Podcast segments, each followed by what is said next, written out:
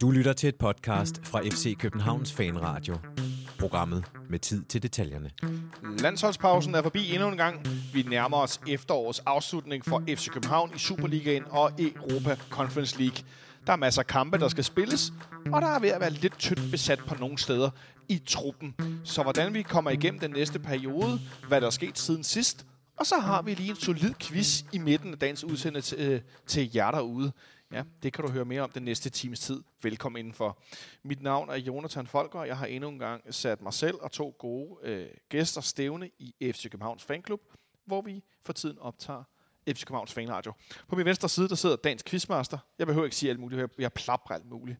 Øh, og mine gæster som regel, så det vil jeg lade være med i dag. Nikolaj Sten Møller, men også mest, når vi nu sidder her og taler, kendt som Smølle. Velkommen til. Tak skal du have. Tak Hvad er det ellers, du har taget med? Ellers, jeg har taget en øh, flaske Riesling med. En god supermarkedsrisling. Den, øh, den tænker jeg, den kunne lige, øh, den kunne lige give en lille bitte smule pep til os her. Det er lidt smag af frugt og sommer. Og det er det, jeg mener. Det er jo fredag eftermiddag. Så det kan vel lige gå an med et lille stykke, et lille stykke hvidvin, hvad jeg lige vil sige. Øh, dagens anden gæst sidder over for dig. Han har været en, jeg vil ikke sige en hyppig gæst i det efterår, men han har været her en del gange efterhånden inden for den sidste periode. Øh, blandt andet var han med her sidst, da vi havde spillet 1 mod Viborg, og vi havde en lang snak om nogle forskellige ting, blandt, øh, blandt andet om den nye selskabsstruktur i parken, øh, og så videre. Øh, Alexander Elverlund, velkommen til. Tak skal du have. Har du også taget noget med? Nej, jeg, jeg, jeg tænkte faktisk, det sjove er, at jeg, jeg tager jo faktisk til Berlin i morgen. Så da Smølle sagde, at han havde tysk vin med, så tænkte jeg, at vi skal da køre tysk tema. Og så tænkte jeg på, at jeg skulle have nogle pretzels med. Men øh, for, for det første kunne jeg ikke finde nogen, og for det andet, så tænkte jeg også, det knaser måske lige lovligt meget i, i radioen. Øh, så jeg endte faktisk med at bare at komme drønende øh, i øvrigt forsinket. Hvis du, hvis du kan tage nogle autentiske currywurst med til, til næste udsendelse, du er tilbage, så, så, så, så er jeg med på den. Ja. Det er så lidt øh, radiovenligt, som det overhovedet kan blive, øh, når det handler om at, at spise en snack og sidde og, og, øh, og spise pretzel. Altså det, øh, havde du virkelig overvejet til det med? Ja, det havde jeg. Øh, og så, øh, da jeg ikke kunne finde nogen, så tænkte jeg, så køber jeg en riddersport, og så lige pludselig kiggede jeg på uret, og så endte det med, at jeg slet ikke fik noget tysk med overhovedet. Ja. Så længe du ikke kom med pølser i glas, så, øh, så er jeg en tilfreds mand. Øh, som sagt i, i, i introen til programmet har vi masser at tale om. Øh, det vil være noget tid siden, vi har været her. Så lad os bare, øh, lad os bare kaste os ud i det. Der har jo som sagt været spillet nogle landskampe, blandt andet lige herinde bag os har der været fuldt hus en, øh, en enkelt gang øh, forleden dag. En lidt øh, mat kamp i forhold til, hvad det danske landshold har præsteret i det største delen af 2021. Men de fik alligevel kvalificeret sig til VM næste vinter i Katar. Jeg har simpelthen lige siden da læst mig til, at der kun er en uges pause fra efterårssæsonen i ligaen slutter til VM starter. ja, vi skal ikke gå ind i nogen længere. Jeg skal nok skrue ned for mit had til den der forbandede VM-slutrunde i Katar, men det er simpelthen så tosset. Øhm, til den kamp var Jonas Vind blandt andet udtaget og fik øh, ikke nogen øh, spilletid. På 21-landsholdet havde vi Victor Christiansen og William Bøving, som var med. Øh, begge to. Øhm, øh, øh, Victor Christiansen fik fuld spilletid både mod Skotland og Belgien. Og Bøving øh, hvad hedder det, øh, blev skiftet øh, ud i begge kampe efter 63 og 64 minutter. Rasmus Højlund har blandt andet også øh, været med U19 der er en masse info om det her på FCK.dk. Jeg går bare lige igennem. Øh, og der er flere, øh, der har været på U19, også for U19-truppen. Øh, Kuchular har været for Georgien, spillet en kamp, spillet ikke i den anden kamp. Oviedo har spillet. Øh, og det interessante, Isak Bergman Johannesson, vores unge central midtbandsspiller, som jo kom ind og lavede en fantastisk assist i kampen mod, mod Viborg lige inden landsholdspausen. Han blev skiftet ind, Smøller, og han scorede simpelthen. Godt for ham. Sit første mål, skide godt. Øh, han virker altså som en med meget godt øh, der, der, der, er sådan, der sker noget med ham, når han spiller. Øhm, den yngste målscorer nogensinde på det islandske A-landshold. Det vidner vel også om, at det er ikke bare tilfældigt. Nej, bestemt ikke. Og, øh, og vi har jo snakket øh, en del om ham herinde, både når jeg har været med, og når der har været andre gæster. Øh, han er utrolig talentfuld, virker det til. Det er jo kun i glemt, vi har set ham, desværre. Øh, og altså, jeg tror jeg også, jeg har nævnt det før. Jeg synes, hans blik for spillet minder lidt om Rasmus Falks. Altså det her med, at han orienterer sig, inden han modtager bolden, og så er han egentlig klar til at lave en førstegangsaflevering, lige så snart han modtager den. Øhm, og det øh, hjælper jo også lidt i offensiven, hvis man øh, allerede har orienteret sig om, hvor for eksempel modstanderen, øh, eller undskyld, målmanden står. Ja. Øh, og når man så modtager den, så ved man, hvilken side man skal sætte den i. Det kommer vi til at snakke meget mere om senere hen, når vi skal lave øh, snak om kampen på søndag i, i Haderslev.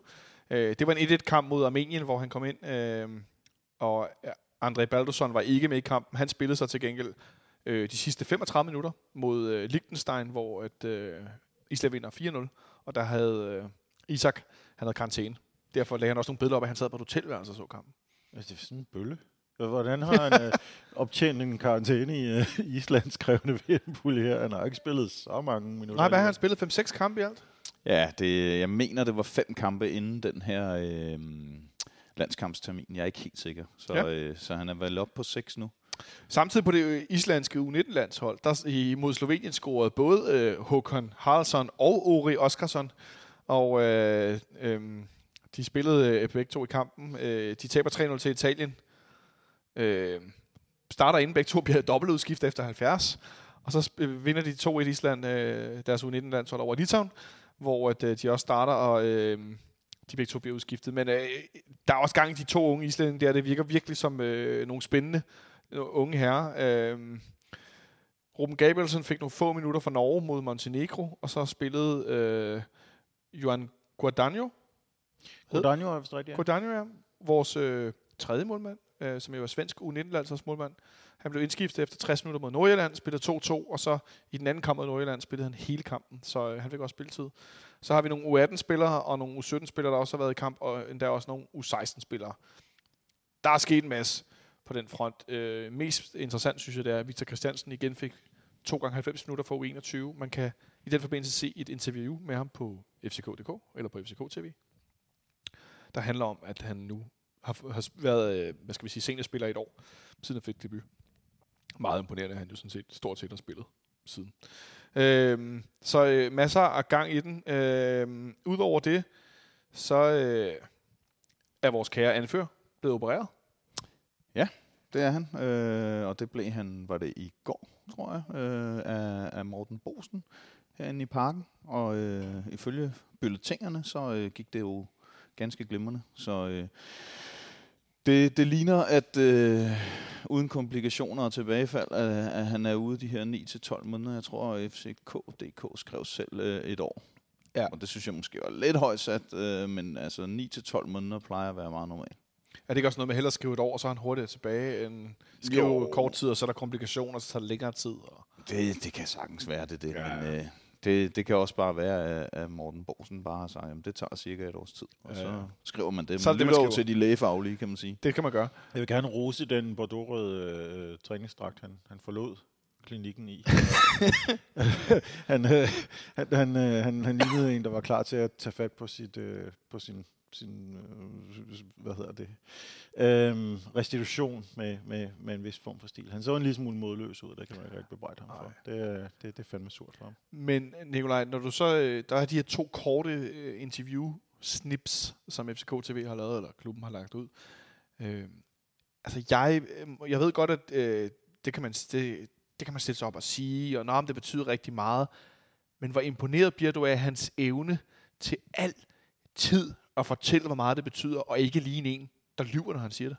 Ja, det, jeg, jeg har, han, er en, øh, han er en naturlig anfører. Ikke? Han, øh, han er den type, som, øh, som man har brug for til at, til at have den rigtige moral og ånd at gå på mod øh, i sådan nogle situationer også. Og, og generelt i vanskelige situationer, hvor han ikke er en, der, der gemmer sig. Jeg, jeg, jeg er fuld af beundring for, for Sikker. Han, er, han virker som simpelthen bare en rigtig god mand. En rigtig god mand. Et, et rigtig godt menneske. Altså det, han, han siger, hvor meget det betyder for ham, alle de her beskeder, han har fået, og folk fra, man har kunnet se på hans Instagram-profil, at han har repostet billeder, som folk har lagt op og skrevet, hey Capitano, eller hvad de skrev, skrevet, min ven på portugisisk, græsk, dansk, engelsk, spansk, alt muligt at, at, det, at han mener det fandme. Det er ikke bare, nej, var det rart, og jeg der var jeg ked af det, eller andet, men det, det betyder virkelig noget, og det kan han slet ikke skjule mig, det betyder. Ikke? Uh, det synes jeg skulle er meget specielt. Men, og det er jo også, som øh, uh, Smølle siger, det viser han jo også på banen egentlig, hvor meget det betyder for ham at have den rolle, han har. Og sådan Altså, han, uh, for at bruge en øh, floskel, dør med støvlerne på. Ikke? Øh, så, så for ham øh, er det det vigtigste i verden, øh, kan man sige. Han sidder jo også heroppe alene, øh, eller det ved jeg ikke, om han gør, men hans børn er i hvert fald ikke heroppe. Øh, så, så man kan sige, det, det er måske det, hele hans verden drejer sig om, når han i hvert fald er i København. Ikke? så øh, har øh, nogle af vores spillere også været lidt i kamp, selvom de ikke var udtaget til landsholdet. Vi spillede med en lidt speciel reserveholdskamp den anden dag mod Hillerød, som var 45 minutter, og så 15 minutter anden halvleg. Var det sådan, det var bygget op? Øh, blandet med Pierre Bengtsson som midterforsvar, Kevin Dix som vensterbak, og hvad ellers jeg skal komme efter her. Det mest interessante var faktisk, at vores unge ven, hvis efternavn jeg ikke vil begive mig ud i, nemlig øh, Rooney fra U19-holdet, selvom han jo er 15 år gammel, øh, ung svensk offensivspiller, lad os kalde ham det. Han fortæller selv til FCK.dk, at han gør sig mest på den centrale offensiv midt, eller på højrefløjen.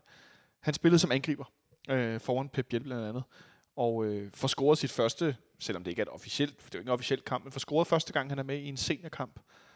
Øh, Pep Biel scorer hat øh, så der er der nogen, der får i hvert fald øh, holdt formen lidt ved lige. Ja, han ser ud som om, han nærmest øh, var i den, den offensive fordeling, øh, som, som vi ellers ville have brugt, bare på, på Jonas Vinds plads. Øhm, og det var lidt, lidt usædvanlig situation for en 15-årig at træde ind i. Jeg har ikke set så meget andet, end uh, at han scorede det mål, han scorede med, og desuden var rigtig godt med i opspillet til, uh, til i hvert fald et af Pep Biels tre mål, hvis ja, jeg ikke husker helt. Det, er rigtigt. det, det ene kunne han ikke rigtig gøre så meget ved. Det var bare et brag et langt skud ud fra, ja, fra op i hjørnet. Af en mand i en absurd god form, og, og det sidste var vist solomål, men han var også godt med til, til opspillet til, til det tredje af dem. Og øh, ud fra de to gange 15 sekunder, så det virkelig godt ud, hvad han, han præsterede. Jeg ved, ja, ikke, om, jeg ved ikke, om man kunne begå sig over, det, over hele kampen, men altså, øh, en ting er at spille U17-kampe, og, og nu, nu en, en anden ting er selvfølgelig altid at møde nogle store klipper der fra, fra den divisionshold. Det er lige præcis det, ikke? Altså, at, at, spille mod voksne, det er bare noget helt andet. Også selvom man kan sige, at Hillerød, niveauet er måske ikke øh, super duper højt, men uh, der er noget fysik og noget fart og noget højde og drøjde og alle de her ting, som man jo har som stor voksen fodboldspiller i forhold til nogle af de spillere, han har spillet mod uh, nu på U19 og tidligere på U17-holdet. Ikke? Så, så det er en rigtig god læring for ham, og det tror jeg også, han selv har været ude at sige faktisk, øh, at det, det betyder rigtig meget for hans udvikling at spille de her kampe. Og de taler meget til ham, og de hjælper ham og guider ham. Og... Og, og man kan jo sige meget, hans mål er jo stort set et tab ind. Altså der må man jo også tage hatten af for Luther Singh, som ja, det var det næste, jeg ville, virkelig lave. laver et, et, godt oplæg, og altså bare en virkelig fed aktion, han laver øh, i oplægget til målet. Øh, men, men uanset hvad, så skal den stadig sparkes ind, og det giver stadig selvtillid for en knæk på 15 år at få lov til at score et mål for seniorholdet. Også jeg, selvom tænker, det, jeg tænker, han er 15 år, ikke? Ja, 15 år. Det er ret vildt. Altså, jeg kan jo huske dengang med Kenneth Sohora, da han begyndte at træne med i FCK som 15-årig. Men han lignede jo en voksen mand. Altså ikke måske i ansigtet, men altså hans fysik og hans krop og så videre. Ikke? Øh, og det gør Rooney jo ikke på samme måde. Altså han, han ligner jo den dreng, han er. Øh, og så er han bare teknisk rigtig, rigtig dygtig. Var du ude at se den første træningskamp, den vintersæson, mod AB ude på træningsanlægget, hvor at der var snestorm, og sneen stod i en vinkel, så den kom fra Roskildevej mod Peter Bangsvej. Så det vil sige ind gennem hegnet mod ryggen af folk. Det var på den bane, der er nede, øh, den, den, den bane længst nede, jeg kan ikke huske, hvilken nummer den har. Øh, altså man fik vind, hvis man stod, øh, øh, hvis man stod øh, hvad skal man sige, med Peter var i ryggen og kiggede mod banen, så havde man vinden direkte i hovedet. Og stod man på den anden side af banen, så havde man den her isvind med sne direkte i ryggen. Og vi spiller mod AB, der på det tidspunkt har Michael Schäfer som øh, cheftræner.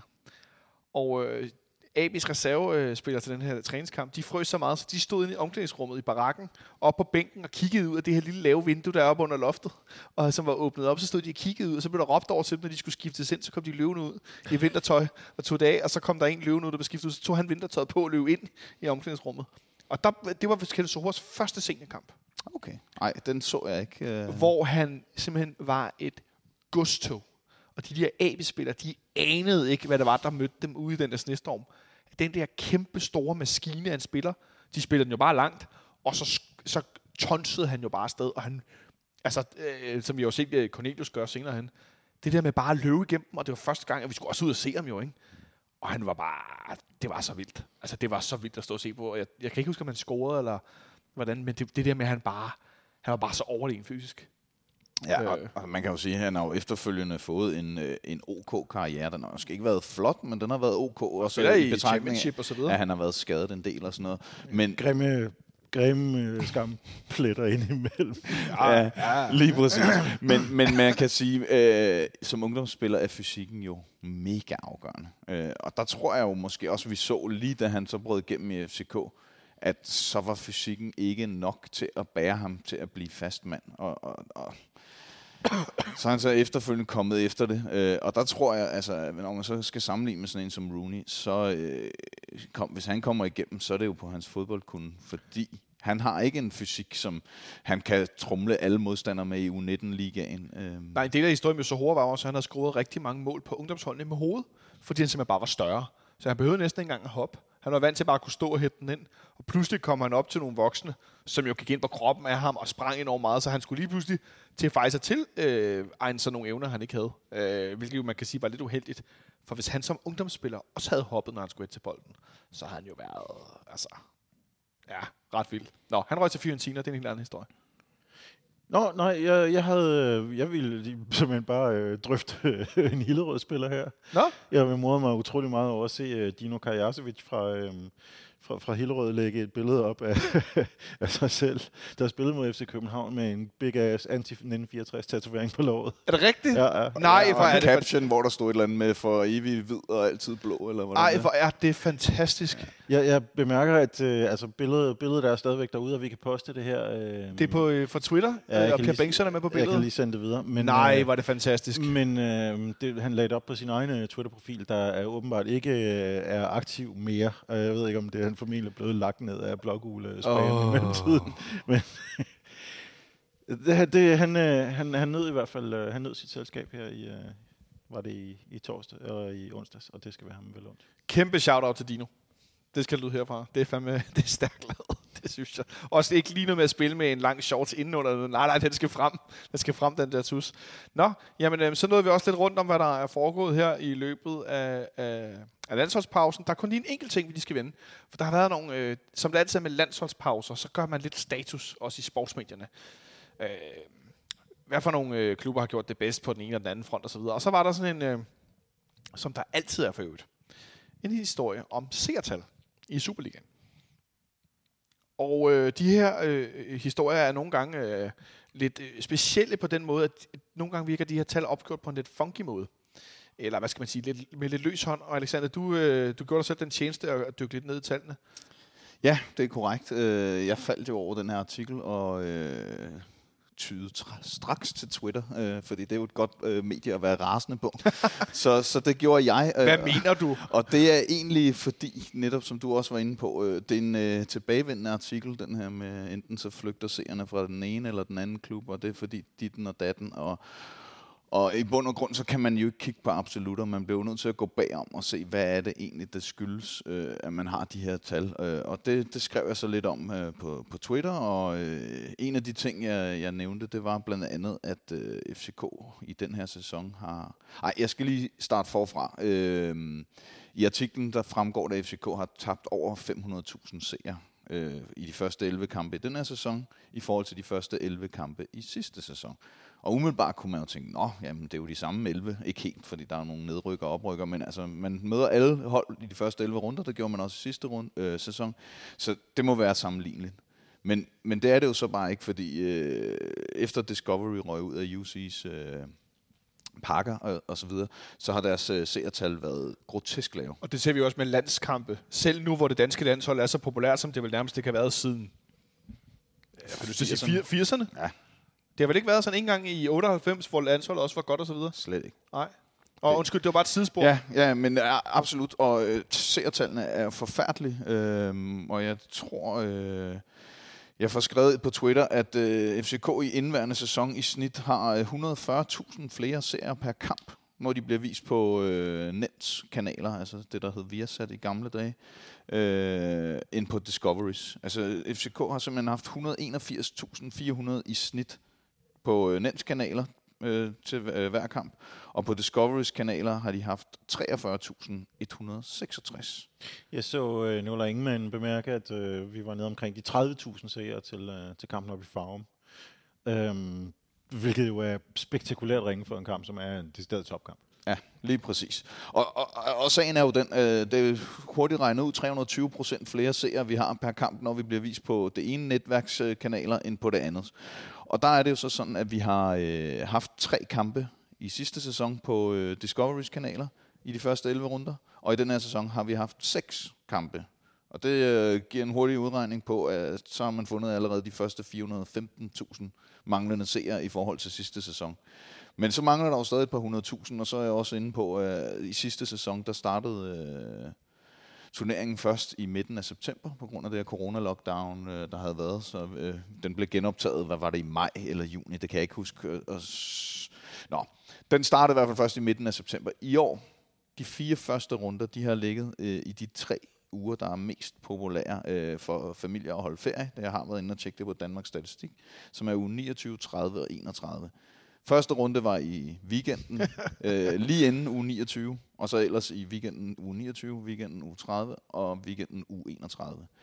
Øh, og det kan vi jo se også på vores tilskuertal. Nu har vi så haft et derby i runde 4, tror jeg, Ja, ja, var sådan, så det har selvfølgelig påvirket det positivt. Men generelt kan vi jo se på vores tilskuertal, at de kampe, vi har i juli måned, og der hvor der traditionelt er øh, industriferie, der har vi bare færre tilskuere. Og det gælder også seertallene.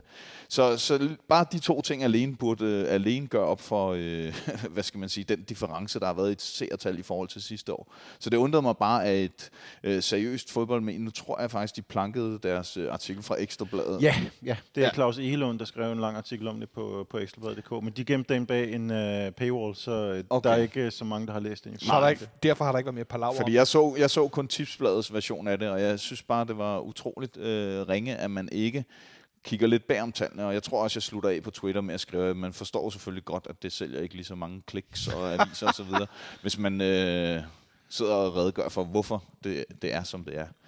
Øh, og det, det har jeg oplevet før, også både med FC København, men også i, i arbejdsøje med, øh, hvor jeg har fat i en sportsredaktør og sagt, øh, hvad foregår der?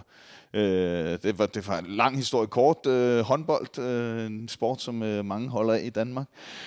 Der øh, var jeg til en slutrunde i Japan, og øh, så kom der en artikel fra øh, den tidligere BT-sportsjournalist Thomas Idskov, som blandt andet Ståle Solbakken ikke gad at snakke med, og det var der rigtig mange andre folk i sportsverdenen, der ikke gad, fordi han havde en tendens til at fordreje ord og lave kontroversielle historier osv.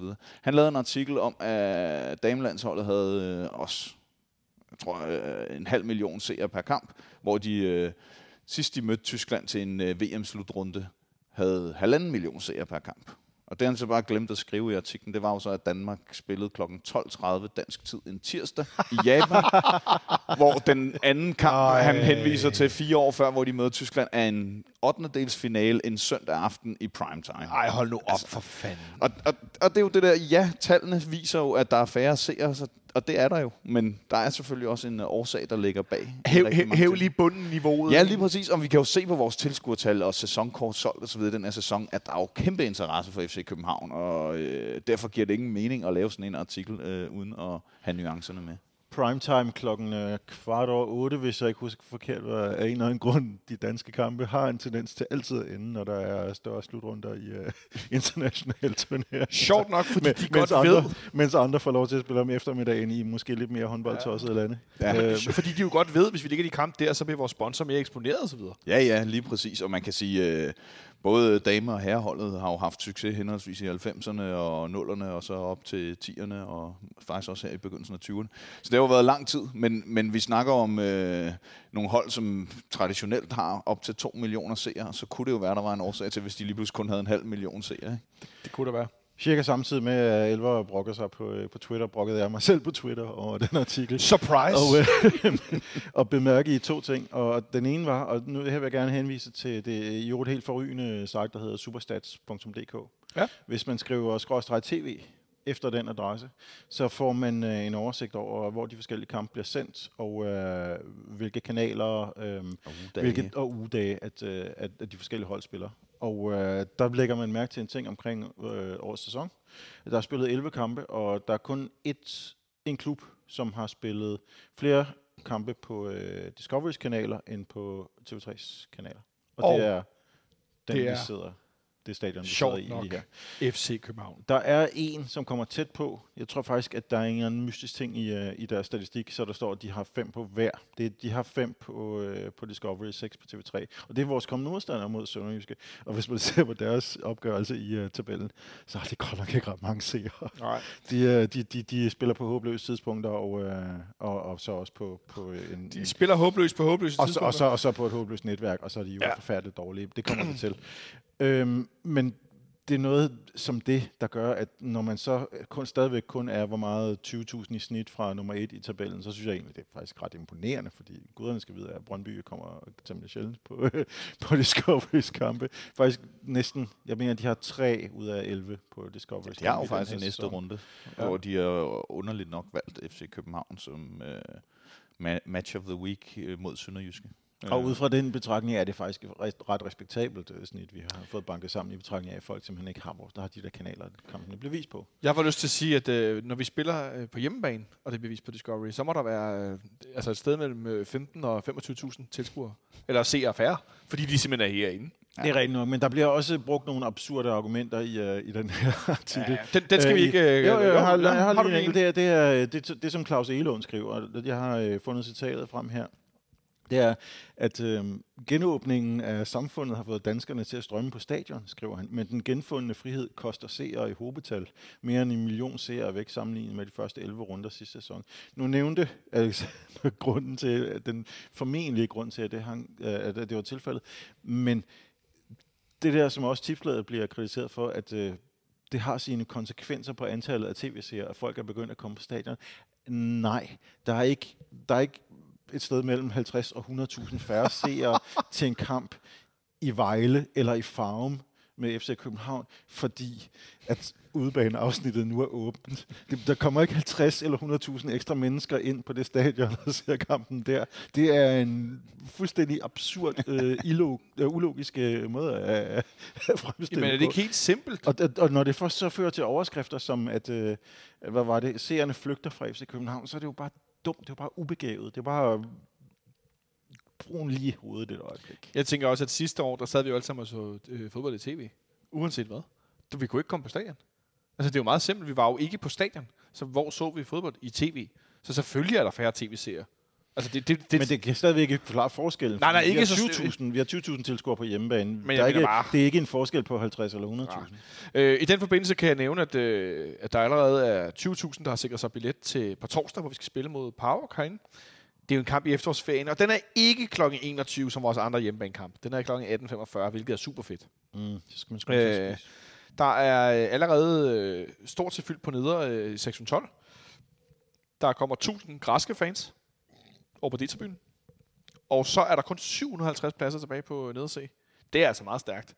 For der er nogle gange til sådan en kamp, så er der i, på C2 nede i hjørnet og på C13-14. Men der er altså ved at være til alle kampene. Jeg stod til kampen mod, øh, mod, mod øh, hvad hedder det, Lincoln Redims øh, og tænkte, okay, der bliver ikke så fyldt. Men så endte der faktisk med på, på nederse at være ret fyldt. Øh, det overrasker mig faktisk. Så mega sejt, at I kommer hen, siger jeg til jer, der lytter, fordi det gør I jo. Det kan jo, det kan jeg jo høre og læse mig til. Det er meget fedt.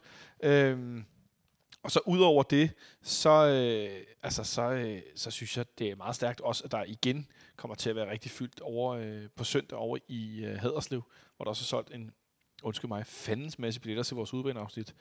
Det er sgu, øh, det er sgu meget stærkt, fordi at, ja, vi er ude igen. Du har jo pludselig genoptaget sådan en udebanekarriere, Nikolaj. Ja, det er sandt. Jeg har fået, fundet ud af, at mit wakeboard stort set ikke virker mere, efter at have ligget 10 år i mit tegn på, og kun blive brugt 3-4 gange. Siger de også, at dit billede er for gammelt? Nej, nej, de Nå. siger bare, at, øh, at chippen ikke rigtig virker mere. Så jeg, jeg hvor meget er det? Skal man smide en 50 for at få et nyt? Eller, Ja, eller er 125 eller meget der.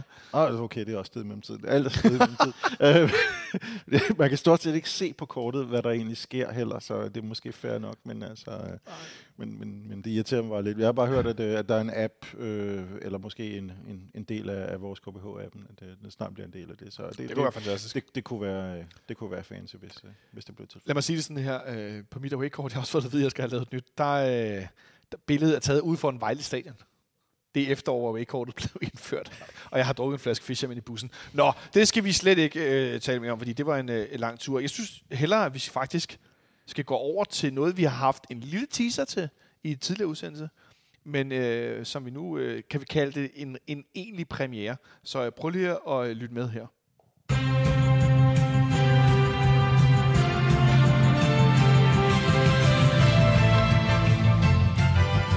Det her det er simpelthen øh, introen til Smølles Quiz.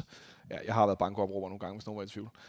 Nicolai, du introducerede for nogle udsendelser siden en quiz, som du har lånt fra Football Weekly, er det rigtigt? Ja, jeg vil, nej, Football Ramble. Football Ramble, ja. jeg, jeg vil gerne sige, at jeg havde lånt det, men jeg har tyvstjålet den. Nu prøver jeg de- at de har- være diplomatisk på dine vegne, og så fejrer du det bare bordet. og som i øvrigt er et af de mest underholdende podcasts om engelsk fodbold overhovedet. Football Øh, Ramble. The Football Ramble. De, Ja, de, den kommer, kan de man- kommer hver dag, men der, quizzen kommer hver fredag. Så, Så de, de udgiver er en gang om dagen? Ja. Hvor lang er den udsendelse? ja, en tre kvarter som regel. Det, det er sæt med meget snak. Øh, Øh, ikke er der noget og galt med det, men hold da op. Det, som de gør, hvilket jeg er sikker på, at vi overhovedet kan ikke genkende til, det er, at de tit havner ude af absurde tangenter. Om, Jeg vil ikke høre om den slags i det Lige nu her har de en ting kørende med, med dårlige erfaringer med kørelæger af en eller anden grund. Så, det er, øh, ja, det, det, det kan jeg virkelig anbefale. Football de, de Ramble. gode. Engelsk Football podcast, ja, om, om Premier League primært øh, og, og andet. Ja, de har kørt i en 10, 10 år nu, tror jeg. Så. Okay. Hermed givet videre. Men de har den her quiz hver fredag. Og du skal prøve ja, at forklare Vi, kan kalde det et spil. et spil. Ja, lad os se. Vi har to her, og det er det perfekte antal til det. Men vi skal, vi skal, have, vi skal have et eksempel først. Ja, jeg giver, nej, jeg giver lige forklaringen på det. Og det Okay. det, som, som, som det hed i deres øh, gamle øh, øh, jingle, at øh, det, det lyder svært, men, øh, men det er nemt nok, når man først er i gang. Jeg nævner en spiller, og vi tager her spillere, som har spillet for, eller spillet for FC København. Jeg oplyser, hvor mange klubber spilleren har spillet for, og så spørger jeg en af jer, af hvor mange af de klubber, som I kan nævne. Og hvis man så for eksempel siger tre, så spørger jeg den anden, kan du nævne flere end det? Du kan sige fire, eller Fem, Hvis- eller hvis- 16 hvis eller... jeg siger 10, så, så kan du gå op og sige 10. Ja. Øhm, øh, og så videre. Og så hvis den anden siger, nej, det kan jeg ikke overgå, så, så skal den, der har gættet. Okay, så den, der siger... sagt tal, så skal han gætte. Og øh, hvis man så kan gætte det antal, man har sagt, så får man et point. Og ellers går pointet til modstanderen. Og vi spiller bedst af fem, og det handler om den kolossale ære, der er i det. Alright. Spændende. Så, øhm, og så øh, er det vigtigt at understrege, at et hurtigt spil er et godt spil. Ja. Så øh, nu vil jeg spørge, om I er klar? Vi er totalt klar. Så vi, skal, vi har en... Skal vi skrive ned simpelthen, fordi at vi Ej, risikerer... I, må, I må gerne skrive ned, hvis ja. Ja. I ikke lige har dem i hovedet. Så til jer derude... Jeg har, ikke, jeg har ikke øh, valgt nogen, der har været i 16 klubber i første runde her. Nej. Så, Til jer er derude. I kan også lige finde en, øh, en pen og et stykke papir, øh, eller trykke pause og gøre det, øh, så I har en mulighed for at notere ned, øh, hvis I skal huske, hvor mange øh, klubber... Øh, hvem var det, der var vores prøvespiller i sidste program? Var det... det var Bjarne Goldbæk. Det var nemlig Bjarne Goldbæk. Nu har jeg testet med Bjarne Goldbæk, og du kommer jo nok til at være en del af de her, så, øhm, så det, øhm, det er jo ikke, jeg kommer nok ikke til at bruge Bjarne Goldbæk igen. Nej, det var derfor, nu, jeg nu tænkte... kan du huske den lange serie af tyske klubber, han har været i. Ej, jeg kunne ikke huske dem. Det var det, der var så pinligt. Men i hvert fald, øh, så, Jamen, nu øh, kan du. så tænker jeg, I nu har fundet pen og papir derude.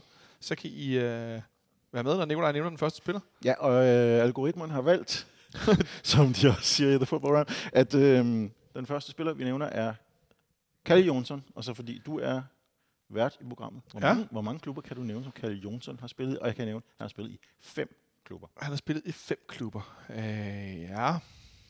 Og jeg kan nævne tre. Tre. Det er, det er stærkt. Det er et stærkt bud til at lægge ud med her. Ja. Ja, det er det, fordi jeg kan samme ikke nævne fire. Det kan jeg ikke. Nej, jeg bliver nødt til at passe den. Så har vi øh, Jonsson på banen. Så, er det- så det tre klubber. Jamen, Kalle øh, Jonsson, tak. Karl Jonsson har spillet i Randers. Det er rigtigt. Han har spillet i Gyngong, Det er rigtigt. som man nemt kommer til at sige Gyngang, ligesom øh, Gyngstativ. Og så har han selvfølgelig spillet i FC København. Ja. Og øh, der kommer så er der til, to at, svenske går der- ud fra, ikke? kommer til... Ja, det, nej, det er der ikke. Er der kun én? Jeg tror ved ikke, om du Må vil jeg prøve de, øh, de, de sidste to her. Er det helt skævt, hvis jeg siger, at han har været i Rennes? Det er skævt. Nå, han, så har været, han startede sin karriere i Halmstad, og var ungdomsspiller i Halmstad, og så blev han solgt til Holland. Han spillede for Nek i Nijmegen. Ah, det er rigtigt, ja. Men øh, 1-0 til her. Ja, tak, tak, tak. Ja, ja. God start her. Også Meget- at meget lægge pres på frisk 3 ud af 5, så skal man godt nok højt op, ikke? Ja. Men du kan jo se, om øh, du kan, du kan overgå det her, fordi ja. øh, og, og det, der, vi, vi ved jo her, der har vi jo altid et point sikkert. Mm. Øhm, det, det, det skal man jo lige regne med her, så, så ved jeg ikke, hvor imponerende ved tre i virkeligheden. var. Tak for det. Nej, det var udmærket. En god start. Og, øh, men vi hopper over til, til Alexander her. Du får muligheden for at sige, at han har spillet for seks klubber. Han stoppede karrieren for 12 år siden. Niklas Jensen. Mm-hmm. Hvor mange klubber han har? Seks, seks klubber har Niklas Ja. ja. spillet i. Og vi tager, tager kun se- seniorfodbold. Vi kan se over på hans øh, stadion, hvor han rendte rundt som ungdomsspiller, men det tæller ikke. Nej. Fem. Fem klubber? Mm-hmm. Fremragende bud her. Uh. Kan du øh, lave fuldt hus på, på Niklas? Ah, måske. Jeg skal lige tænke mig om. Må jeg, må jeg, må jeg lige... Øh, jeg tæller på fingrene. Ja, og du må Øh. gerne øh, lave en lille, en lille note her, så længe vi, Må jeg, må jeg, må jeg så, skrive så længe vi kan holde, holde dampen gående her. Og det kan vi godt. Øh, jeg skriver ned her den første, den anden... Ja, den her. Fordi, det, man må godt lige give lidt snor, Ja. tænker jeg, hvis, øh, hvis folk er klar på øh, Ja. at byde maksimum. Åh, den sidste klub. Donnervætter. Hvad er den sidste klub? Men er det, tør, må jeg spørge, om du tør binde an med det? Eller om vi skal lade den gå? Ja, jeg tør godt binde af med det. Bare Okay. for... Øh, også for... Øh, Fremragende, fremragende. Godt. seks Godt. klubber. Og initiativrigt her. Seks Øhm, klubber, Niklas ja. Jensen. Så nævner jeg Lønby. Det er rigtigt. Jeg nævner FC København. Det er rigtigt. Jeg nævner Fulham. Det er også rigtigt. Jeg nævner Manchester City. Korrekt. Jeg nævner Dortmund. Også rigtigt, så mangler der en. Og så er der den der skide, og den kan du huske. Det er den, jeg kan huske. Jeg kunne ikke huske Fulham. Nej! Ej, hvor har han været henne? Hvor har han været henne? Ah, hvor er det skidt, mand. Og jeg kan sidde og syge. Har han været i, i en engelsk klub eller en tysk mere, eller hvor delen har han været henne, mand? Altså, når du har givet mig det point der, så vil jeg gerne svare. ja, det er jeg ikke i tvivl om. Øh, var han i en engelsk klub mere, eller hvor... Øh, åh, jeg kan simpelthen... Vi har også haft det her som spørgsmål i fraktionskvisten. Uh, Der har jeg læst det op. det Men jeg kan simpelthen ikke huske det sidste. Jeg, jeg, jeg må give point til Alexander, jeg kan ikke huske det. Altså, jeg husker det, som om han tog fra Lyngby til PSV Eindhoven. Det er fuldstændig Ej, var det er da rigtigt sammen med Rommefar. PSV var den sidste af, God damn it. af klubberne her. Og det må jeg ikke komme på. Jamen, det er jo det er dejligt, så har vi lidt spænding her. Det er 1-1, så. Øhm, det næste er sådan lidt af en, uh, en oddball. Ikke en publikumsfavorit. En spiller, som stadigvæk er aktiv. Som ikke er i København mere. Vi, og han som har spillet i fem klubber. Vi vil gerne høre, hvor mange klubber ved, kender I, som uh, George Okora har spillet i. Og undskyld, og det er det Jonathan, der, der, der får lov at først. Sokora? Ja. Mm, Jeg skal lige alle rusten. og du sagde fem? Fem klubber, George Ja. Okora. Øhm, ja, jeg sidder lige og tæller her også. Øh, han har været den der klub, og han har været derover, og så var han der. Øh, jeg kan nævne de fire. Det er et stærkt bud her. Det kan jeg ikke overgå. Og det er et øh, realistisk bud tilbage her. Du, Jonathan, du er velkommen til at give et bud på fire Joseph. Jamen, Shore Sokora, som jeg kunne huske, jeg var ude faktisk at se i en meget på øh, reservehold, øh, og se ham spille, hvor vi ikke vidste, hvem det var. Jeg var ude på anlægget sammen med Christian Olsen. Og så var der den her kæmpe store midterforsvar fra FC Nordsjællands reservehold, og vi fik at vide, at han hed James. Og han, altså, han var jo kæmpe stor som ung, ikke? Øh, der så han første gang for Nordsjælland. Og så var han jo i Aston Villa. Det er rigtigt. Øh, FC Nordsjælland, Aston Villa, To FC København Korrekt. og OB selvfølgelig. Ja, Men Det er den rigtigt. femte klub, den har jeg ikke. der er ikke nogen, der har lyst til at byde på... Øh, ej, det er, den, den, var ikke, den var ikke lige til højre benet. Det er, og der er han nu, så vidt jeg kan se, i Changchun Yatai i Kina. Oh, ja, det er Okay. rigtigt, han var altså, i Kina. Jeg havde faktisk godt hørt rygter om øh, et skifte til Kina, men jeg ville jo aldrig, om det så galt mit liv, kunne nævne den klub. Jeg ville have, jeg ville have givet faktisk en stor præmie af egen lomme, hvis øh, det havde lykkes.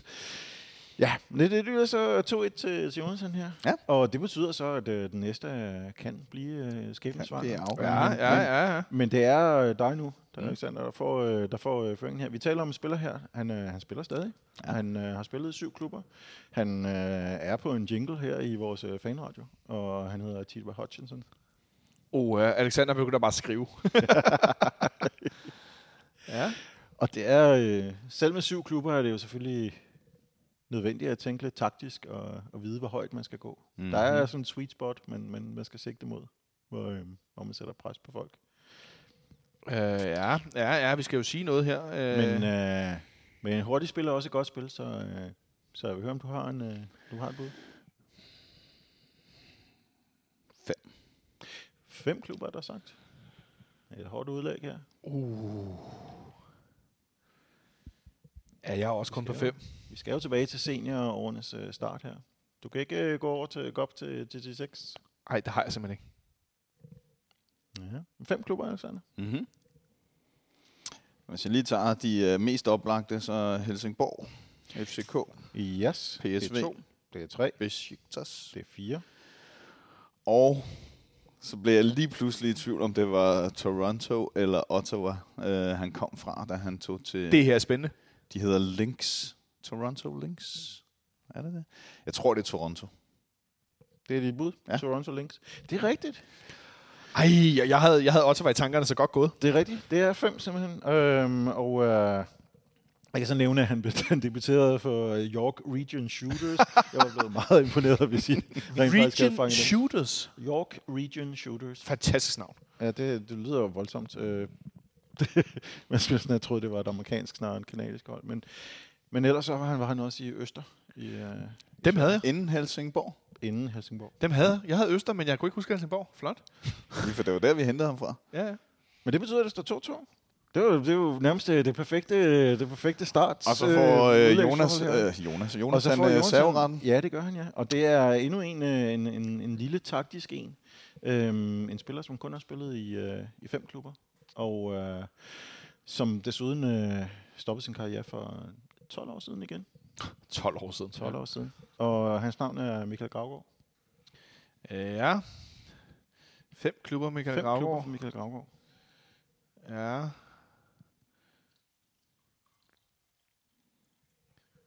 Dem tror jeg sgu, jeg kan alle fem. Du siger, siger simpelthen fem hold. Ja. Ja. Det siger jeg også. Ja. Michael Gravgaard har spillet i Randers. Randers er rigtigt. Han har spillet Viborg, Det er hvor rigtigt. vi hentede ham. Så har han spillet FC København. Ja, Så har han spillet Nantes. det er nemlig Og så korrekt. har han spillet Hamburg øh, Sportsverein. Og Jonathan Frøkler Og vinder. alle fem klubnavne står også på mit papir.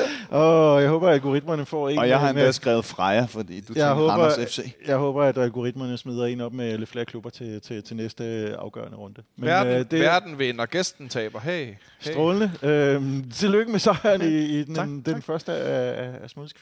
Så øh, jeg tror, vi måske kan gøre det i fremtiden, at vi kommer til at lave Smøllesquiz, måske selvom Smølle ikke er. Øh, om ikke andet, så kan du være den, der er algoritmen, og sender nogle spillere ind, og så kan det være, at jeg laver med, med de to gæster. Men øh, godt med lidt quiz. Jeg Det håber, jeg I, I nød det derude i hvert fald. Øh, det, det, se, det var jeg faktisk ikke i tvivl om, du synes var sjovt. Det er altid godt med lidt quiz. Øh, også til noget, noget andet, andet quiz, end det, jeg sidder og finder på om øh, den kommende modstander. Så med de ord, så synes jeg bare, at vi skal kigge frem mod kampen på søndag.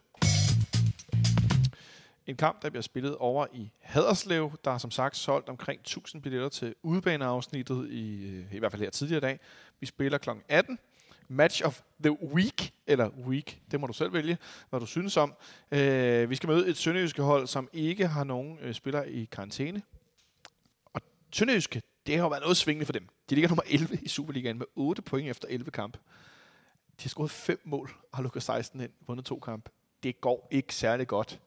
Øh, nu er de genskiftet ud i deres øh, administration af manden, der blev hentet ind som det helt store, øh, hvad skal vi sige, sådan, øh, strategiske orakel. Øh, en mand, som jo har, har de her amerikanske ejere, har også haft de andre klubber. Han er nu ude igen. Øh, det går ikke skide godt for dem, for at sige det mildt. Men øh, de skal møde, Alexander, et noget decimeret FC København-hold. Hvad er det for en situation, vi står i?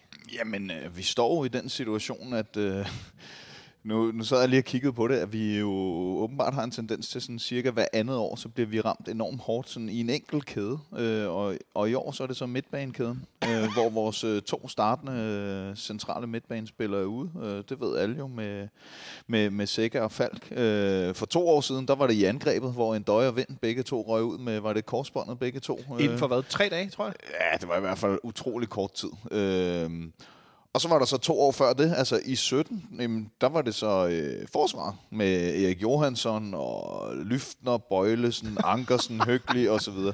Så, så det er åbenbart et eller andet med, hver andet efterår, så, øh, så skal vi lige ramme sin kæde. Havde vi ikke også et efterår, hvor vi var i Champions League, hvor vi endte med at spille med Verbic og Pavlovic på toppen, fordi at alle angriber nærmest var skadet? Jo, det passer meget. Det var ikke så lang tid, men der var også noget, både Santander og Cornelius ude. Ja. Nå, undskyld.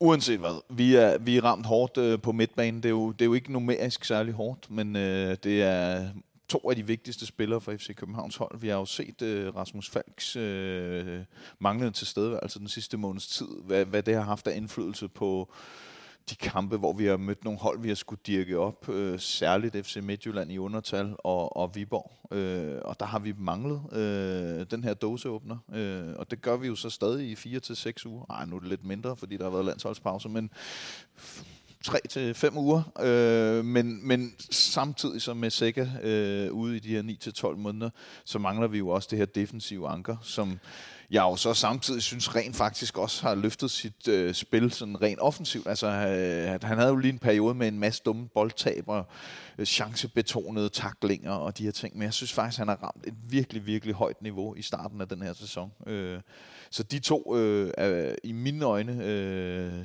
de to vigtigste spillere i, i FC København. Og de har jo også i lang, lang tid siden den her øh, famøse udbanekamp i Herning, hvor vi taber 3-2 efter, at have kom foran 2-0 meget tidligt.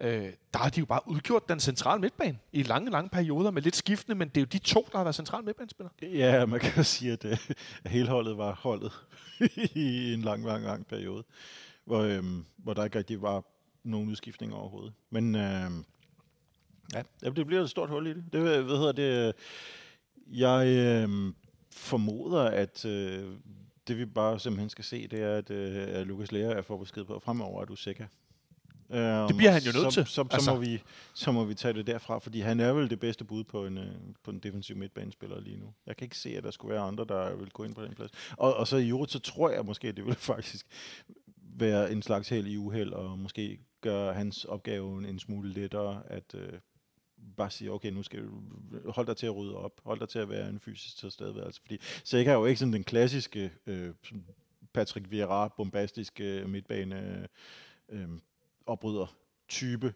men, men han er den disciplinerede spiller, som ikke behøver øh, løbe frem og tilbage mellem felterne, og, øh, og lærer jeg, selvom han har vist gode glimt i den rolle, har han, han har jo ikke fundet sig til rette i den. Nej. Øhm, han, han, øh, hvis han kan, hvis han kan på en eller anden måde blive, blive gjort til fastmand på, øh, på den plads og, og være en slags anker på midtbanen, så, så tror jeg i virkeligheden, det er at gøre ham en stor tjeneste, fordi lige nu virker det, som om han er lidt imellem mellem roller og har lidt identitetskrise i vores, øh, i vores opstilling. Ja, i, no, i nogle kampe, hvor han formår at, øh, enten at få, at få lavet de her dybdeløb, eller får pladsen til dem. Vi så det ud mod Vejle, vi har set det i, over i Randers blandt andet. Så får han pludselig den her øh, 8 øh, rolle. Jeg får den ikke, men så passer den ham meget godt nogle gange. Og andre gange, så, så er det hverken fugl eller fisk. Det bliver Nej, ikke rigtig det, noget. Det tit synes jeg også, at man oplever, at han, øh, han, han laver de her fremragende gennembrud i kampe, hvor det ellers ikke lykkes at få spillet til at hænge sammen. Fordi han ved jo godt, hvad det man gør, men, men det, er ikke, det er ikke noget, som holdet har, har formået at, at udnytte som, som styrke. Nej, og, og han er jo ikke en særlig øh, dynamisk spiller, kan man sige. Selvom han kommer i feltet øh, på bolden. Og hans store uheld har jo været, at øh, Carlos Sækker indtil for ganske nylig jo havde det her jernhelbred og spillede jo stort set alle minutter. Øh, så det vil sige, når han har fået chancen, øh, lærer jeg, så har det som regel været ved siden af Sækker. Og det øh, har været sådan lidt to kolosser på lærefødder. Det har ikke rigtig fungeret. Øh, jeg kunne godt have tænkt mig at se øh, Lea i en længere periode med Rasmus Falk ved sin side, for det tror jeg vil være et rigtig godt match faktisk. Øh, måske med lidt indkøring, men, øh, men, men det ser ikke ud til at blive tilfældet her i resten af efteråret, men øh, måske i foråret får vi en chance for at se øh, den konstellation. Det tror jeg også vil være rigtig godt for Lukas Lerager. Det tror jeg er meget, meget sandsynligt, fordi jeg tror ikke, vi kommer til at se Rasmus Falk meget mere end som indskifter før nytår. Øh, man skal huske på, at øh, efterårssæsonen i øh, Superligaen, den slutter allerede den, øh, den 28. 11., ja. hvor vi spiller på udebane op i Aalborg for øvrigt. Et, et hold, der er ret godt kørende. Super sted at afslutte efteråret her. øh, noget så fantastisk som en søndag kl. 18, Ja, og så er der noget Europa Conference League. Og så har vi så ikke? Conference League altså, Så der er to-tre mod... kampe, der måske kan komme i spil, men hvor ja. han jo overhovedet ikke vil være i kampform. Ikke? Øh, nej. En meget ildevarslende ting at slutte af i Superligaen i, i Aalborg, i betragtning af, hvordan det hele begyndte her tidligt på året. Nå ja, hvor vi vandt 3-2 efter at være bagud 2-0 i pausen, det er rigtigt. Øh, og så har vi så, som sagt, Bratislava den 9. i, i 12. herinde i parken, og det sidste Europa Conference League gruppekamp, hvor der faktisk der er god restitutionstid i hvert fald for den sidste kamp frem efter der. Men en meget tidlig afslutning på, øh, på, på Superliga-sæsonen, det, hvor vi jo sidste år spillede den sidste kamp fire dage inden jul. Øh, ja. herinde mod OB. Og der startede vi jo så også der i midten af september, som jeg var inde på lidt tidligere, øh, ja. og det har vi jo så ikke gjort i den her sæson. Men det er stadig overraskende tidligt, fordi vi har jo faktisk de sidste par sæsoner øh, spillet til i hvert fald starten af december, ikke? og så har der måske været en Europacup-kamp øh, i midten af december eller sådan noget, men men at slutte så tidligt, det forstår jeg ikke, hvorfor man vil, fordi det betyder flere runder i, altså I februar, foråret, et eller andet, hvor banerne er helt elendige. Jamen, det var jo også meningen, vi skulle have spillet i december, men øh, så var der noget, der gik helt galt med rotationen i Nykøbing. Der er lagt øh, to pokal kvartfinaler Det er rigtigt. runder i, i de to første weekender i december, hvor. Okay. vi ellers øh, skulle have spillet, men, øh, men så skulle vi både have overlevet den sidste runde og, og den kommende runde i, i pokalen, der kommer her om halvandet. Så man har simpelthen lagt to øh, runder, altså kvartfinalen over to opgør, efter ja. at sæsonen sådan set er slut øh, ja. i efteråret. Ja. Se, hvis jeg skulle sige noget, så er det fedt for det. Det er det tidspunkt på året, men godt med den fokus, der så kommer på pokalen. Mm. Fordi det er de kampe, der er. Øh, og hvis øh, nogle af de lidt mindre klubber i Københavnsområdet, nogen skal spille en eller anden pokalkamp, det kunne jeg da godt finde på at tage ud og se. Det skal da være det indom. Øh, Ja, jeg synes også, det er en fremragende. Jeg, jeg synes, det er et helt galt tidspunkt at, gøre det på, og, og jeg, jeg bryder mig heller ikke om dobbeltkampe øh, i pokalen i det hele taget. Men at, at lægge dem i weekenderne er noget, jeg længe har siddet og råbt om hernede. så, men at gøre det så i, for det. Det er bare en utrolig underlig måde, det der på. og i december. I december nemlig. Det-. Hvor man tager, okay, det, det, det, lad os komme tilbage til hverdagen, lad os, øh, lad os køre året ud på det her, og så, og så lad os få pokalfodbold ud på, øh, på de lidt mere usædvanlige stadions på et tidspunkt, hvor det rent faktisk er fedt at være der. Vi snakkede faktisk om det for ikke så længe siden her i, øh, i programmet, øh, hvornår at, at, øh, at de her pokalkampe blev spillet, fordi det er næsten komisk, at øh, den næste runde, der så bliver spillet i pokalen, der bliver spillet her i december, så bliver der først spillet pokalfodbold igen helt fremme i semifinalen den 27. april. Så der går simpelthen fra start december til april, før der er pokalfodbold. Det er næsten et halvt år. Det er altså noget mærkeligt noget. Nå, øh, men i hvert fald så er der alligevel en, en, en god bunke kampe, før at vi har øh, en en til landsholdspause, i, nemlig der i starten af december. Øh, i, i, øh, også i november har vi vel også en landsholdspause, øh, pause, for det ikke skal være løgn. Der, er- vi har spillet landskampe i den weekend, der hedder den øh, 13., 14., 15., hvis jeg ikke tager meget fejl.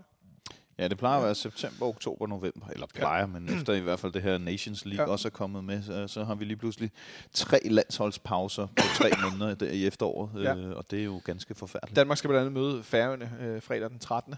Øh, for det ikke skal være løgn. øh, men i hvert fald så øh, ser vi nu ind i en runde kampe øh, frem mod det, hvor vi her i, øh, i slutningen af, af oktober har øh, fire kampe tilbage. Sønderjyske på søndag. Så har vi Pauk på hjemmebane. Og så spiller vi Derby ude næste weekend. Øh, så har vi Vejle på hjemmebane 31. Øh, og så inden, så har vi de to kampe tilbage ude mod Pauk, og så Silkeborg på udebane, før der er pause igen. Så vi har øh, seks kampe på øh, relativt øh, kort tid, øh, sådan, altså med midtuge, øh, de, de, de fleste uger. Øh, og det er nogle, i hvert fald i FC København regi, smølle, relativt uprøvede spillere, som vi nu bliver nødt til se spille mange minutter. Ja, det er lidt ligesom vi allerede har gang i med, øh, med William Bøving som, øh, som venstreving, som der rammes afløser. Ja, og vores venstre bak, Victor Christiansen, som vi talte om tidligere. Nu har han jo godt nok, det et år siden, han fik debut. Han er jo ikke uprøvet på den måde længere, men han er stadigvæk 18 år gammel lidt endnu.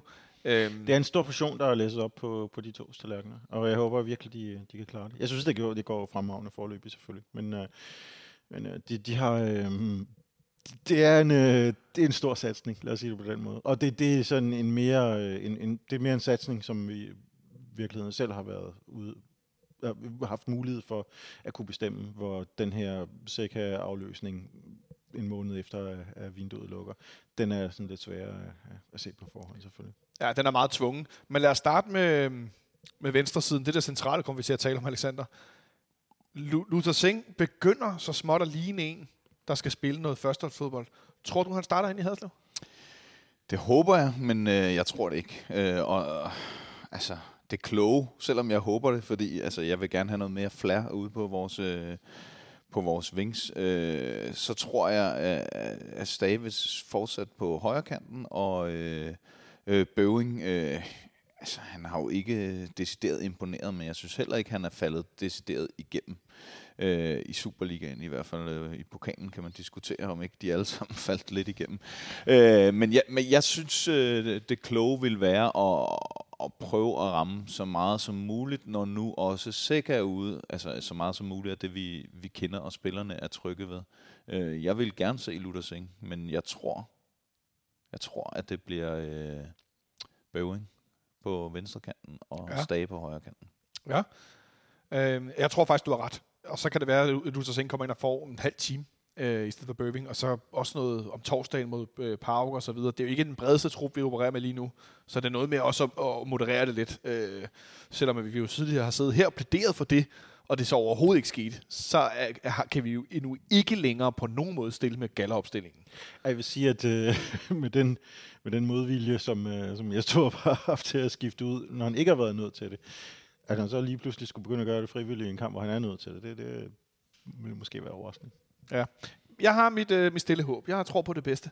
Øhm, det er den ene side. Øh, vi ser Pep Biel den anden dag øh, brillere i den her træningskamp mod Hillerød, og bare det der ene mål, hvor han dribler tre-fire spillere, ligger den med højre benet, hvad der foregår. Altså, det, det er, det, jeg ved godt, det er Hillerød, den anden division, det er en træningskamp, men som du siger, man skal jo stadig gøre det. Lige præcis, og, og, og det gør han bare, og det er jo altså, også langskudsmålet, og øh, altså tre mål. Han er flyvende, som øh, Nikolaj også var inde på. Han øh, er, er, er så god og så, øh, så afgørende for FC København øh, i, i de her øh, måneder, at det er helt vildt, at altså, den mand, vi ser nu, i forhold til, hvad vi så under Ståle. Men nu nævner du, at du tror, at Jens Dage bliver på højre øh, ving. Det er vel også et spørgsmål om ikke at lave om på noget, der rent faktisk fungerer, når vi er i en situation, hvor der er rigtig meget andet, der kan vise sig kan fungere. Helt sikkert. Tror du så, man kunne finde på at rykke, rykke Pep Biel tilbage i banen, som flere også har talt om? Øh, Benjamin var herinde dane, og meget fint øh, argumenteret og talt om, at når, når øh, Pep Biel, når Falk ikke er med, øh, men når så Pep Del kommer tilbage og spiller den position i stedet for fald, så er der en, der kan lave de afleveringer. Og det er det, vi blandt andet har manglet. Tror du, man kunne finde på at rykke ham af den årsag? Nej, det tror jeg ikke. Og øh, jeg, jeg køber sagtens argumentet, øh, men øh, jeg tror lidt ligesom, jeg tror, at Stage bliver på højre kanten, i stedet for at man rykker ham ind centralt som øh, erstatning for Sikker, øh, at så øh, bliver Pep Biel også på sin plads, fordi jeg tror, det handler om at lave så få ændringer som muligt. Øh, og derfor er jeg øh, 99% sikker på, at han kører med præcis samme opstilling som sidste kamp mod Viborg. Minus Sikker selvfølgelig. Og så er det så et spørgsmål, om det er Isak Bergman, eller om det er øh, Baldur Johansson. Er det den? Nej, André Baldur. Andri Baldur. Ja, jeg kunne bare lige huske Baldur. Ja. Andri Baldur, øh, om det er ham, der er Baldursson, der, der, der spiller den anden øh, øh, centrale ved siden af Lea. Ja. Altså det tror jeg bliver, altså så er Kuchola var også ude, så... Øh, Det, det, det skal vi nok tale ja, om lidt. Men, Men, men, på de pladser tror jeg, at det er den eneste øh, udskiftning, vi får. Det er en til en på Sega, og så ved jeg så ikke, om det bliver den ene eller den anden islænding, der tager den. Fordi Kevin Dix har jo også spillet central midtbane en del i sin øh, karriere. Peter Ankersen må sige sig at være en kompetent afløser, hvor der på nogle positioner er lidt øh, tyndere besat. Kunne man så ikke forestille sig, at Kevin Dix røg ind og spillede den her, og så kom der en øh, tidligere landsholds øh, ja, spiller, øh, bobler, øh, ind, og så spillede den her højreback. Det troede jeg, men så ville jeg også have gættet på, at han blev testet i, øh, i, i Hillerød-kampen. Og det så ikke ud til, at øh, han blev det. Men, øh, han Og der derimod spillede Dix venstreback, ja. Så, så det tror jeg ikke på, nej. Det, det, øhm, det, der satser jeg, eller der formoder jeg, at det er, øh, at jeg, jeg gætter på, at Isak Bergman og, og Lea starter ind sammen. Det, det kunne jeg sagtens forestille mig. Ja. Og så i midterforsvaret, hvor jo det georgiske jern, David Kuchulava, han nu har karantæne. Øh, godt vil jeg sige, at det er i denne her weekend, og ikke i næste weekend. Øh, hvor jeg tænker, at han skal sørge for, at Michael Ure, han ikke løber sin vej hele tiden. Øh, han har karantæne. Vi har set Ruben Gabrielsen få øh, indhoppister her. Øh, apropos øh, georgisk jern, et norsk jern af en anden verden. Han ligner skuespilleren The Rocks hemmelige lillebror en del. Øh, han er i hvert fald ikke øh, ligget på den lade side i fitnesscenteret. Hold da kæft, han er stor. Øh, er det bare for nemt bare at pege sig ind, hvor han spiller? Nej, det, det gør han. Øh, det er jeg øh, 100% sikker på. Øh, Majers har virket meget langt væk fra øh, Jes Torups planer, når der har skulle været udskiftninger osv. Øh, og så, som jeg tro, også tror, jeg var inde på øh, i en tidligere udsendelse, så øh, øh Gabrielsen både mod Nykøbing, som jo ikke var en særlig god kamp, men Nej. Også, øh, jeg kan ikke huske, om det var kampen før eller efter mod Nordsjælland, whatever, hvor han også fik noget spilletid. Altså han har vundet, jeg mener det er 100% af sine dueller i, over de to kampe, øh, ja. som den eneste. Øh, jeg tror, Bøjle var nummer to mod, øh, Nykøbing faktisk. Så øh, jeg er stensikker på, at det er ham, der kommer til at spille. Han spiller fuld tid mod Nykøbing, får øh, 8 minutter mod Nordsjælland, op i, i øh, Farum, hvor vi jo vinder 5-1. Og så får han 11 minutter mod øh, Lincoln herinde i, mm. i parken. Hvordan synes du... Jeg ved godt, det er svært at bedømme, men med- de få minutter, du har set til Mølle? øh, Jeg synes, ja, men jeg har jo primært set ham mod Nykøbing, og, og jeg synes ikke, det så spor imponerende ud i den kamp. Og jeg kunne forestille mig, at, at det måske kunne, hvis vi skal se det som et stort problem. Og nu, og nu det, her skal, det her skal tages som, at vi møder Sønderjyske, og de er virkelig dårlige. Vi skal slå dem uden problemer. Men det bliver en kamp, hvor vi kommer til at sidde på alle spillet, formentlig. Fordi de netop er så ringe. Ja. Og, og, og vi øh, spiller for vi spiller med en, med en, øh, en form for possession fodbold lige nu. Der kunne jeg godt blive en anelse nervøs for, det netop var Ruben Gabrielsen i forhold til Kosolarva, fordi han har set så, så, så tung ud. Ja, og rusten, ikke? Ja, og, og øh, måske, ja, det, det burde han vel ikke engang være, fordi han var jo, han var jo fastmand for, for Toulouse. Øh, trods at Ligue 2 ikke så meget dårligere end Nykøbing, at han ikke skulle kunne følge med der. Men, men stadigvæk, så, øh, så det så, jo- det så lidt skræmmende ud, at han var så nem at, at fange på, på hurtigt kontraløb der. Fordi han, han løb virkelig ikke stærkt. Hvorimod at øh, 8 minutter som en ekstra forsvar mod øh, Nordsjælland, det, det, det, det, det, det, det, det er noget spil, han nyder at spille, hvor han, Ja. hvor han kan stå, og, og der bliver losset sådan lidt spekulativ bold frem.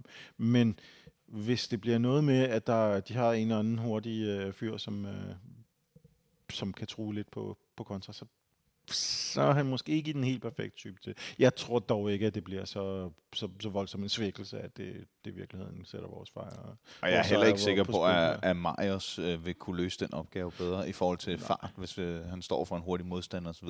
Så øh, jeg vil give ham the benefit of the doubt, for jeg er helt enig, det så ikke særlig godt ud mod øh, Nykøbing, selvom han på papiret vandt alle sine øh, dueller. Øh, det er jo så nok, fordi en løbeduel ikke tæller med i den statistik. Øh, men det skal jo altså også lige siges i den kamp, så var alle dem foran ham jo stort set også nye, ligesom han selv var. Så øh, det gør det lidt svært, når der ikke er nogen relationer. Og selvfølgelig kan man sige, når Sækker også ude øh, til ikke at beskytte forsvaret, så kan det godt blive et problem med ham og Bøjlesen. Men alternativet med Majers, det tror jeg bare ikke nødvendigvis er bedre. Så øh, Sønderjysk har haft en, øh, en mærkværdig øh, efterårssæson i Superligaen. Øh, vinder over Vejle den anden kamp, så taber de fire i streg til, øh, til Nordsjælland, øh, Randers, øh, Midtjylland. Taber de til 200 på hjemmebane, efter at have været en mand i overtal i stor del af kampen. Kan, lyder, lyder, lyder det bekendt? øh, de taber 2-0 til os herinde i, i parken. Spiller udgået mod, mod Viborg. Slår for øvrigt Hillerød 5-0 i pokalen. Øh, taber så til, til, til, til OB. Så vinder de over Brøndby. Det, skal, det kan man altid godt nævne. Øhm, og så taber de så vinder pokalen over B, B113. En 4-3 kamp, for det ikke skal være løgn. Hvor at, øh, at B113 reducerer til 3-4, altså øh, i det 82. minut. Lidt kaos til sidst. Øhm, og så taber de så to øh, til AGF 1-0 og 4-0 til OB, som er relativt godt kørende offensivt. Så det er ikke fordi det er sønderjyske hold, som, øh, som buller der af og øh, virkelig kommer med fuld gejst og energi, og hvad skal jeg ellers øh, give jer? Øhm, de altså, ikke de så- lukker jo mange mål ind, øh, og og scorer ikke særlig mange. ikke så mange, nej. Altså, jeg tror, deres topscorer er Daniel Prosser med, med to kasser øh, i 11 kampe. Ikke? Og så kan vi så spørge Smølle, hvem er Daniel Prosser? Øhm, Der kan du bare se, det er det, jeg mener. Det, er- det er jo et sønderjysk hold, der tidligere havde nogle profiler og nogle navne, man godt nogle gange kunne... Nå ja, så havde de Alexander Barter, der bliver solgt til Slavia Prag og så videre. Lige nu, det, er, det er ikke engang som i sidste sæson med Haji Wright, der er ikke noget. Altså, jeg var nødt til at slå op, hvem der var træner for dem. Jeg vidste det simpelthen ikke. Øhm, jeg, Michael Boris. Michael Boris, ja. Uh, hans, Det er et hans, fantastisk navn. hans største job er, er som træner for MTK i, i Budapest på, inden for de sidste par år, og de er ikke særlig gode mere. Øhm, så det, det, er ikke, det er ikke lige frem topnavn. Jeg, der, der, der er en meget underholdende opgørelse på bold.dk i dag omkring, øh, øh, hvor, hvor skidt han klarer sig, og, Ej, og hvor, shit. hvor, hvor dårlig i virkeligheden det var nok var en, en idé at, øh, at fyre Glenn Ederson. Fordi men jeg tror, man glemmer generelt, hvor dårlige at Sønderjyske har været, fordi Jakob Mikkelsen rent faktisk gjorde dem til et stærkt hold, der kunne konkurrere. Han er den eneste træner, de har haft, som har et pointsnit på over 1,5. Mm. Øhm, Michael Boris er ikke engang en af de dårligste. De har haft Peter Sand og Frank Andersen og forskellige, som er endnu værre. Gud, han, han, er, han er så skidt med 0,73 i snit, at han, øh, at han, øh, han, øh, han er nede omkring, hvor Morten Brun klarede sig, da han var cheftræner for, for Midtjylland. Oh. Øh, for Midtjylland, slået for, for Sønderjyske for, for en del år siden efterhånden. Så det er, ikke, det er virkelig ikke godt, det de laver lige nu. Der, der, er, der er en det kan godt være, at de har store ambitioner, deres øh, nye ejere her, men de har i hvert fald overhovedet ikke fået, øh, fået styr på noget som helst. Nej, der, der er der også snakker om at aflyse øh, ham Boris øh, seneste rygte er, Esben Hansen ved at blive kaldt ind som Esben en, Hansen? Esben Hansen. Er han ikke tv-ekspert? Som, som ikke har været øh, cheftræner endnu, øh, at han skulle gå ind og, og, og gøre et mirakel. Det er jo sådan, halv, øh, det er sådan halv Gary Neville i Valencia. Ja, det, det virker meget, meget mærkeligt, øh, hvis man har ambitioner. Men kunne det så være lige her, at vores nu skadesplades hold fik, undskyld mig, fucket det op? Jamen, øh, vi skal selvfølgelig være bekymrede for, at, at Sækker og Falk er ude, men, men som øh, Nikolaj fint har illustreret, det er jo et virkelig, virkelig ramt øh, sønderjyske hold, vi møder, og rigtig mange øh, podcasts, jeg har hørt i ugens løb og tidligere, sådan noget, at Sønderjyske Haderslev er et svært sted at tage over og spille, og så videre, så videre. Og vi har sandt for dyden også haft nogle svære kampe derovre, men altså statistikken lyver jo ikke, og den øh, siger, at vi har tabt én kamp derovre nogensinde og i øvrigt en kamp i alt mod Sønderjyske. Øh, vi har spillet 24 kampe i Haderslev, øh, og, og tabt en, som sagt. Øh, de seneste fem kampe er det blevet til fire sejre, øh, og så det ene nederlag, som vi har fået sådan gennem historien, som så var en 3-0 røvfuld, men altså, øh, nu bliver jeg nødt til at gå ind og kigge på expected goals, fordi jeg lige så highlights. Og de var helt ens. 3,22 mod 3,19. Nu kigger du så også lige kun på, på ligaen. Der var lige i pokalen.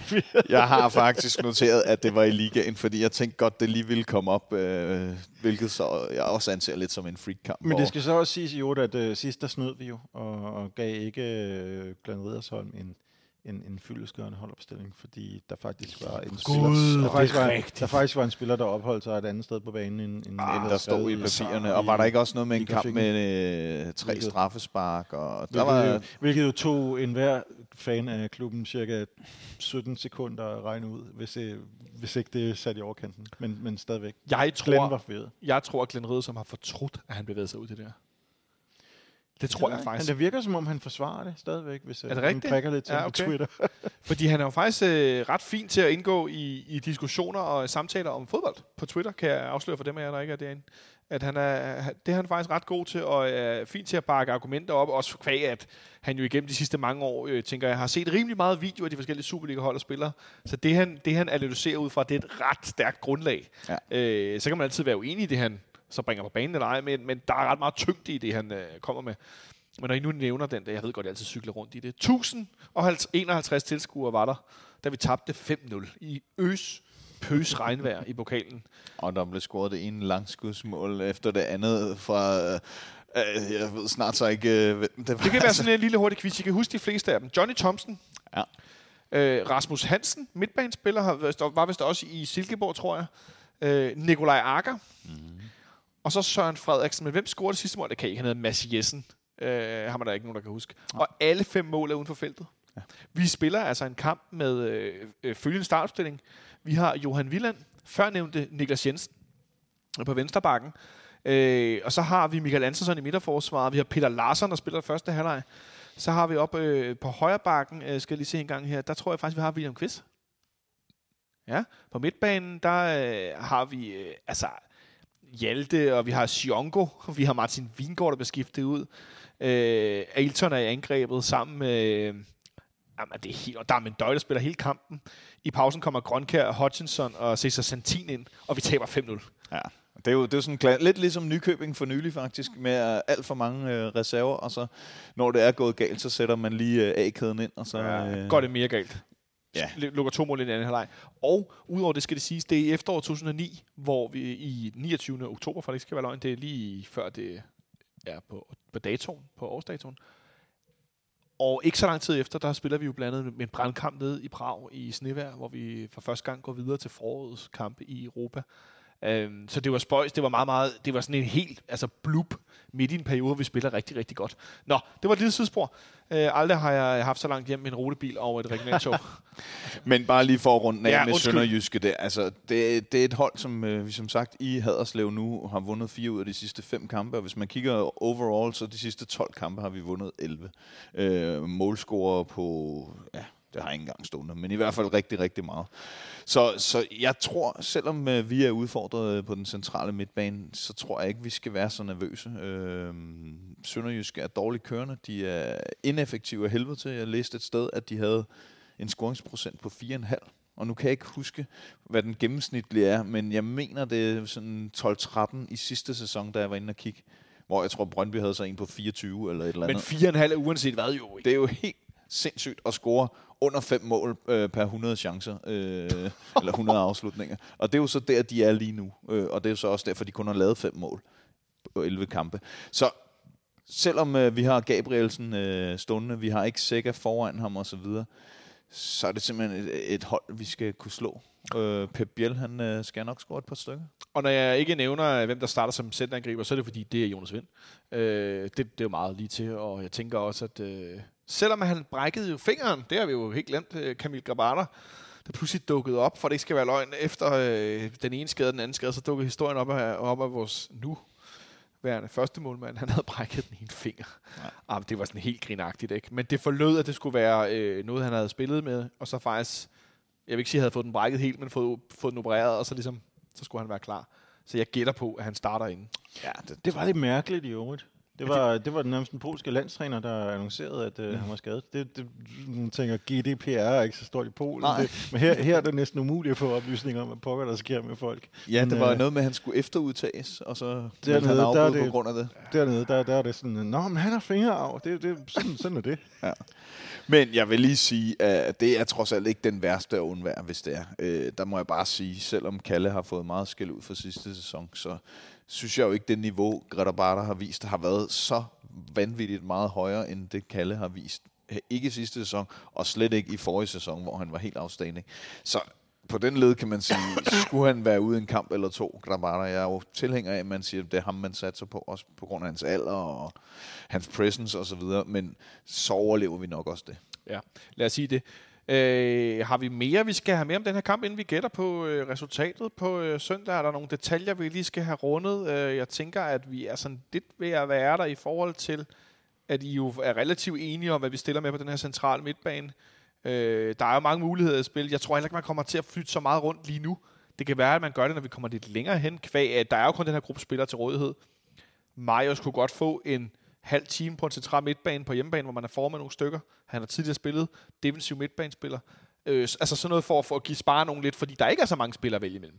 Ja, eller også vil man lave det der øh, skifte, som det islandske landshold har lavet med Isak til Andri, hvis det skal være sådan ja. lidt mere defensivt. Øhm, det kunne jeg godt forestille mig. Det er sådan noget, man vil se. Men, men formentlig vil vi... Og, og også blive lært af den fase, vi har været igennem, at øh, formentlig er det den her kerne, som skal ja. trække os hele resten af vejen gennem øh, november, uden at der kommer alt for mange ændringer og alt for mange omstruktureringer på holdet.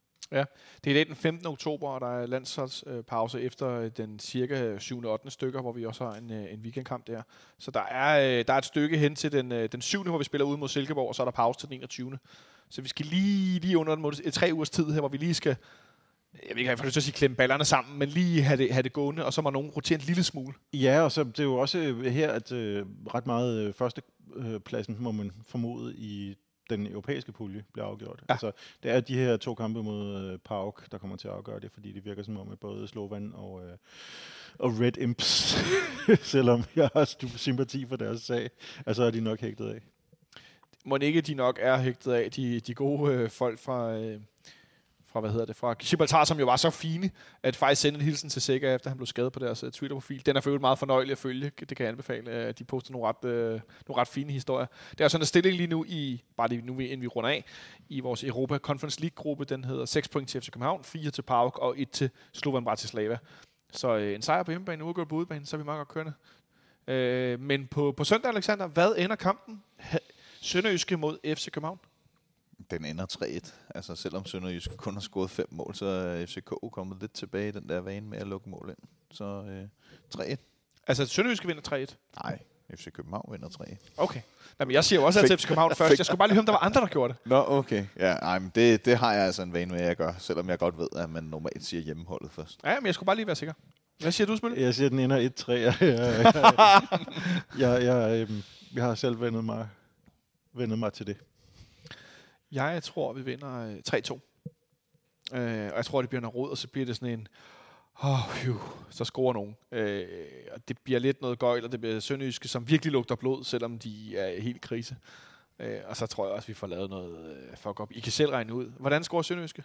De scorer i hvert fald på en dødbold, Yes! og så tænker jeg måske en omstilling, hvis øh, de laver to. Nu tror jeg kun, de laver et, men Ja. øh, det Jeg bliver tror, en dødbold. Det var mine to bud. Det var en kontra og en øh, dødbold, så det tror jeg på. Jeg tror ikke, de er gode nok til at score på en dødbold. Jeg tror, de scorer på kontra. Ja, fair nok. Så jeg ved faktisk øh, ikke, om de har fart op foran. med de ord, så tror jeg bare, jeg vil sige øh, tak for, for god øh, quiz, Smølle. Ja, det er simpelthen en fornøjelse. Det er altid øh, fornøjelse at deltage i en quiz, man vinder. Øh, tak til dig, Alexander, for at hjælpe os lidt med nogle seertal. Tak, og tak for hvidvin, og Åh, ja. jeg ser jo frem til at se kampen mod øh, Sønderjyske øh, i Berlin. Og du skal til Berlin, ja. Så det er sådan en telefonkamp. Ja, Jeg kan anbefale at tage en laptop eller en, øh, en tablet med. Det gør det altid lidt bedre. Øh, og tak til dig derude, fordi du lyttede med. Jeg håber, at øh, der er en del af jer, der får øh, kørt afsted til, til, til Haderslev på søndag, fordi at, øh, jeg tænker, der er mange af jer, der har efterårsferie. Der er solgt omkring 1000 billetter til udbaneafsnittet. Og det er jo ikke som i gamle dage, hvor man i Haderslev stod på grustrin, som i Herfølge, som i Silkeborg, inden de byggede stadion, øh, byggede stadion, og alle de her steder, hvor man bare stod ude i den åbne vind. Og det kunne godt være en fandens kold og blæsende våd oplevelse. Der er jo faktisk både øh, læ bagved, og så er der jo tag over. Og det er faktisk blevet et meget fint øh, lille stadion, de har fået lavet så. Det, det må jeg skulle sige. Øh, stor kado for det. Fuglsangøl, ikke? Og fuldsang i er hanerne. Det er nemlig rigtig god øl, øh, så man bliver også beværtet godt. Så øh, hvis du har ferie og så videre, så kom til Haderslev for at se noget fodbold. Og så selvfølgelig kommer herind øh, på torsdag, da vi møder Pauk for, øh, for Grækenland. Jeg tænker, der kommer rimelig meget smæk på nede på, på D-tribunen. De har nogle øh, temmelig, øh, nogle temmelig friske fans. Så med de ord, tak for denne gang. Vi lyttes ved på mandag. Øh, god kamp øh, på søndag, og øh, have det godt så længe.